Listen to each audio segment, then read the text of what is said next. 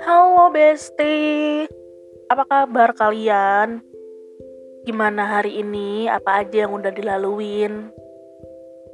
Semoga kalian dalam keadaan sehat dan happy terus ya. Oke, hari ini gue mau membacain senderan dari pendengar bangku podcast yang nun jauh di sana. ini adalah kisah yang lagi-lagi kayaknya setengah makhluk bumi di Indonesia ini merasakannya gitu ya. Rasanya menjadi anak tengah. Oke, okay? sebelumnya juga gue pernah bawain anak tengah anak hebat. Dan itu juga banyak banget pendengarnya. Wow, terima kasih. Mungkin kalian juga relate banget. Dan ini mungkin juga bakalan relate juga bagi kalian semua. So, jangan lama-lama, let's start it. Hai, aku adalah seorang anak kedua, yaitu anak tengah dari tiga bersaudara. Aku memiliki kakak perempuan yang baru saja lulus SMA dan adik perempuan yang baru berusia 8 bulan. 12 tahun lebih menjadi anak bungsu dan tiba-tiba dikejutkan dengan lahirnya adik kecilku. Ini adalah suatu hal yang tidak mudah aku mengerti Terkadang aku suka iri pada kakak dan juga adikku, karena aku benar-benar merasa berbeda di antara mereka. Bulan Juni lalu, aku masuk pondok pesantren. Dan pada saat itu, aku menangis setiap hari. Aku menangis karena rindu kepada orang tuaku. Lalu di bulan Oktober, aku berhenti mondok dan pindah masuk di salah satu SMP negeri di kotaku. Tante-tanteku sering mengatakan aku harus mengerti, aku harus dewasa, dan lain sebagainya. Orang-orang di sekitarku menganggap aku lebih dewasa dibanding kakak. Aku lebih bisa memahami segalanya dibanding kakak, dan sebagainya. Sampai-sampai kalau mama cerita tentang masalahnya, pasti mama cerita ke aku. Tapi sayangnya di saat mama cerita semua itu aku merasa dibebani. Aku juga merasa terbeban oleh semua cerita mama. Kalau kakak minta apa aja, pasti sebisa mungkin diturutin. Contohnya, kemarin kakakku baru saja menelpon dan meminta sandalet yang sudah aku inginkan dari dulu. Dan pada saat itu, ayah langsung membelinya.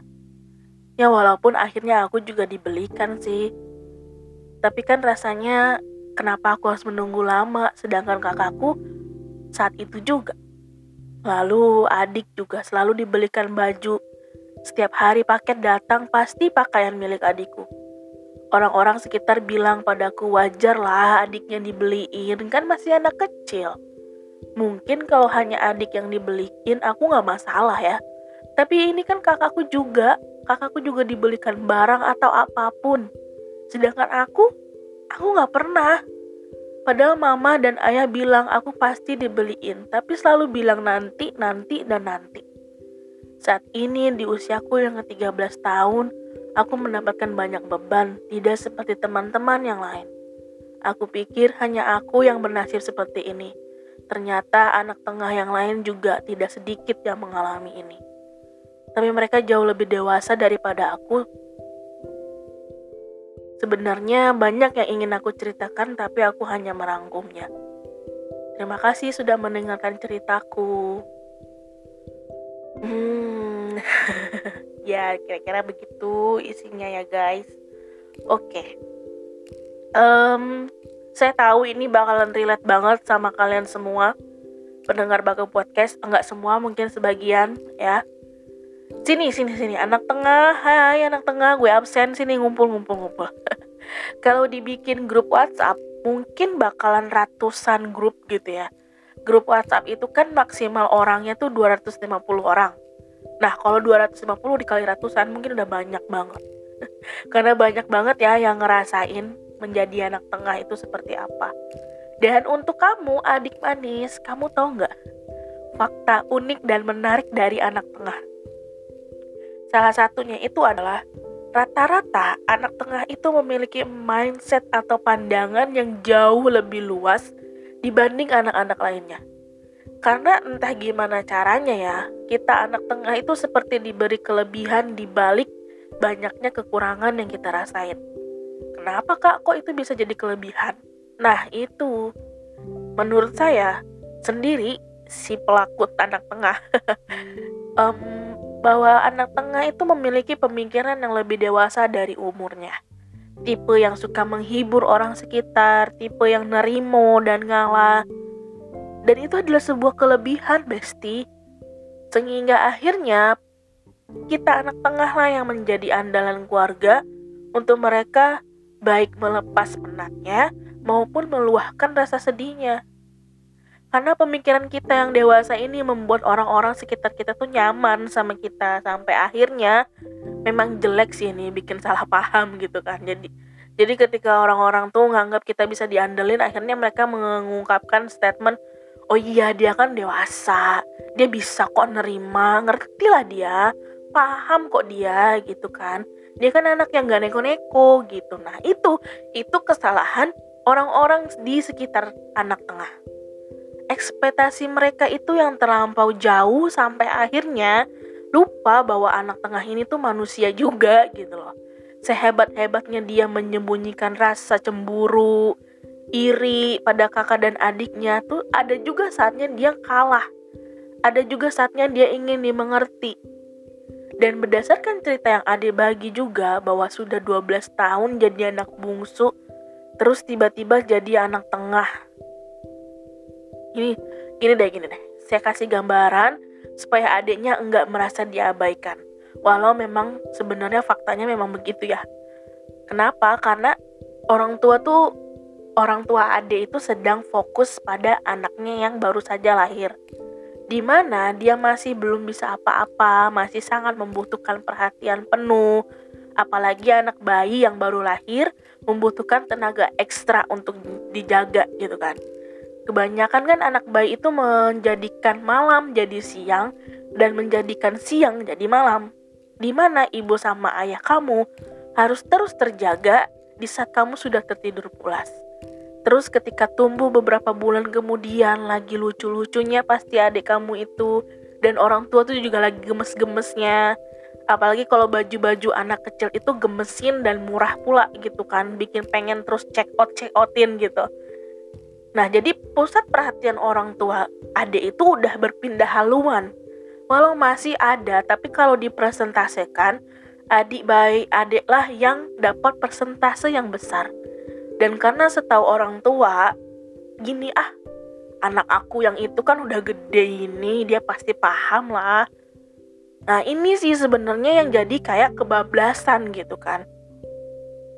Sebenarnya jadi salah orang tuanya juga terlalu membiarkan dan terlalu memfokuskan gitu. Tapi sekarang kita lakukan dengan diri kita sendiri aja. Jadi gimana caranya biar adik tidak terlalu diabai-abaikan tidak terlalu di um, tidak diperhatikan gitu kan. Coba deh coba ikut bantu taking care babynya. Kayak pas mau mandi kamu ada di sana ikut bantu ikut bercandain adik bayinya. Memang memang harus penuh dengan kelogoan sih ya. Tapi ya nggak apa-apa, pelan-pelan kamu pasti bisa. Kalau memang kamu nggak bisa mengungkapkan pada mereka apa yang kamu inginkan dan kamu rasa, kamu bisa mengambil hati mereka lebih dengan ikut andil dalam tumbuh kembang adik kamu. Tumbuh kembang adik kamu. Dan atas semua rasa yang kamu rasain itu enggak salah orang-orang yang nyudutin rasa kamu itu orang-orang yang gak mau ngerti keadaan kamu dan emang gak ngerti. Gak apa-apa dek. Kamu kok yang tahu rasanya kayak apa? Kamu kok yang paham sedihnya kayak gimana? Memang orang tua itu harus kita hargai dan hormati ya tapi mereka juga manusia. Bisa berbuat salah dan hilaf. Kalau salah dan hilaf diapain?